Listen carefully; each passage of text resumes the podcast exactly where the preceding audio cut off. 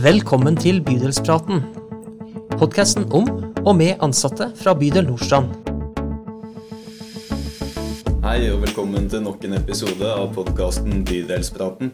En podkast om tjenestene i bydel Nordstrand. Jeg heter Kristoffer og jeg er folkehelsekonsulent. Og i dag så handler ikke podkasten om en tjeneste i bydel Nordstrand. For i dag har vi besøk fra brann- og redningsetaten. Eh, Og det er du, Therese Nordnes, som er her for å fortelle oss om hva brannforebyggende arbeid egentlig er. Først og fremst, velkommen til deg. Jo, tusen takk. Eh, Kan ikke du si hva dere på, på forebyggende team i brann og redning egentlig gjør?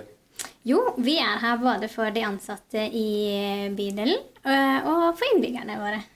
Så vi øh, driver litt med kursing, og så følger vi opp bydelene hvis de har noen spørsmål, og med litt sånn årlig, årlig oppfølging, da.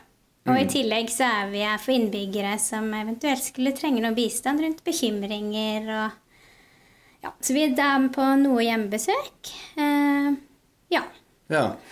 Men dere samarbeider jo også mye med, med bydeler.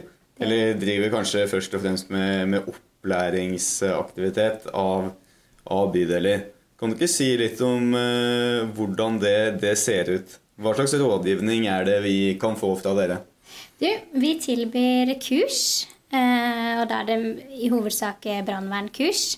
Men vi kan også tilpasse ut ifra behov. I tillegg så i forbindelse med branner der noen har eh, gått bort, så har vi også litt læringsmøter for at vi sammen kan lære hvordan vi kan gjøre det bedre fremover. Mm. Eh, Det er jo eh, noe interessant du er inne på der. Eh, Jeg er jo folkehelsekonsulent og jeg er jo veldig opptatt av, av sosial ulikhet i, i helse. For ofte er det jo sånn at det, de litt mer marginaliserte gruppene i, i samfunnet, de, de lever kortere, rammes av flere sykdommer, spiser mindre sunt. Men er det også sånn at eh, personer i marginaliserte grupper er mer utsatt for å havne i brann. Du, det er det faktisk. Det, vi ser på statistikken at det ikke er tilfeldig hvem det er som dør i brann. Mm. Det er veldig klart bilde på det, og vi ser at det er folk i utsatt gruppe som nettopp dør i brann. Og veldig mange av de får oppfølging fra bydelene. Så det er derfor det er så viktig med det samarbeidet som vi har sammen med dere i bydel Nordstrand bl.a. Ja. Kan du ikke si litt om uh, hva er det som liksom kjennetegner eh, risikofaktorer? Du, vi ser gjerne at de som eh, røyker spesielt, i tillegg til at de driver med ulike rusmidler, bl.a. alkohol, så er det også mye medisiner inne i bildet. Og så har vi også eldre som etter hvert sliter med kognitiv svikt eh, og dårlig eh, bevegelighet, som er eh, utfordringene vi i hovedsak ser, da. Ja. Eh, har det vært eh, noen som har, har dødd i brann i, i Oslo i år? Du, I år har vi allerede fire branndøde. Eh, de gikk bort alle sammen før sommeren, på vinter- og vårparten. Ja. Vi har heldigvis ikke hatt noen nå rett før sommeren og i sommer og enda i høst, så vi krysser fingrene for at det ikke blir flere i år. Ja. For å følge litt opp eh, det sånn, eh, spørsmålet om eh, sosial ulikhet i, i stad. Disse fire dødsfallene, var dette personer som var i det man kan si eh, Kanskje kan kalle for risikogrupper for, for brann? Ja, det var de. Alle sammen var det. Tre av fire av de røykte. Så det var en veldig vanlig faktor. I tillegg så var de i den gruppe som vi kaller risikoutsatt eh, gruppe, som eh, Ja, de sliter med å forebygge brann. De sliter med å kunne oppdage, varsle og evakuere en brann på egen hånd. Eh, og det er veldig tydelig i bildet at alle sammen var i den gruppa. Ja. Dette må vi jo prøve å unngå. Vi er veldig glad for at dere kommer og holder, holder kurs for oss da, for hva vi kan gjøre inne i våre brukere sine hjem da, for å gjøre liksom, hverdagen tryggere for dem.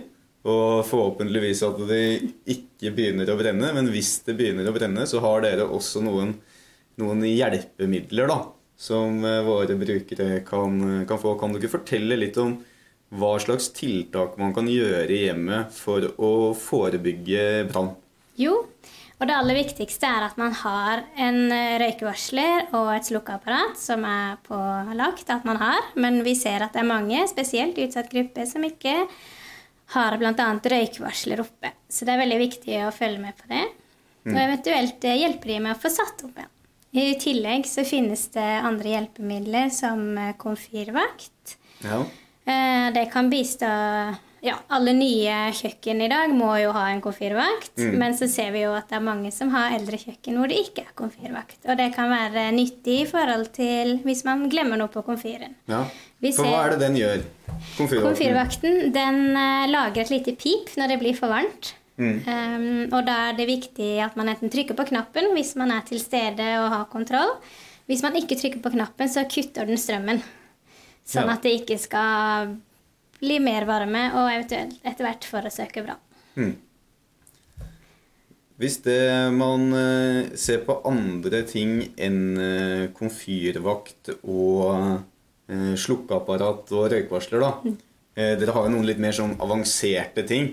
Som kanskje flere komfyrvakt og slukkeapparat, brannteppe, røykvarsler. Det er jo sånn som, som alle har.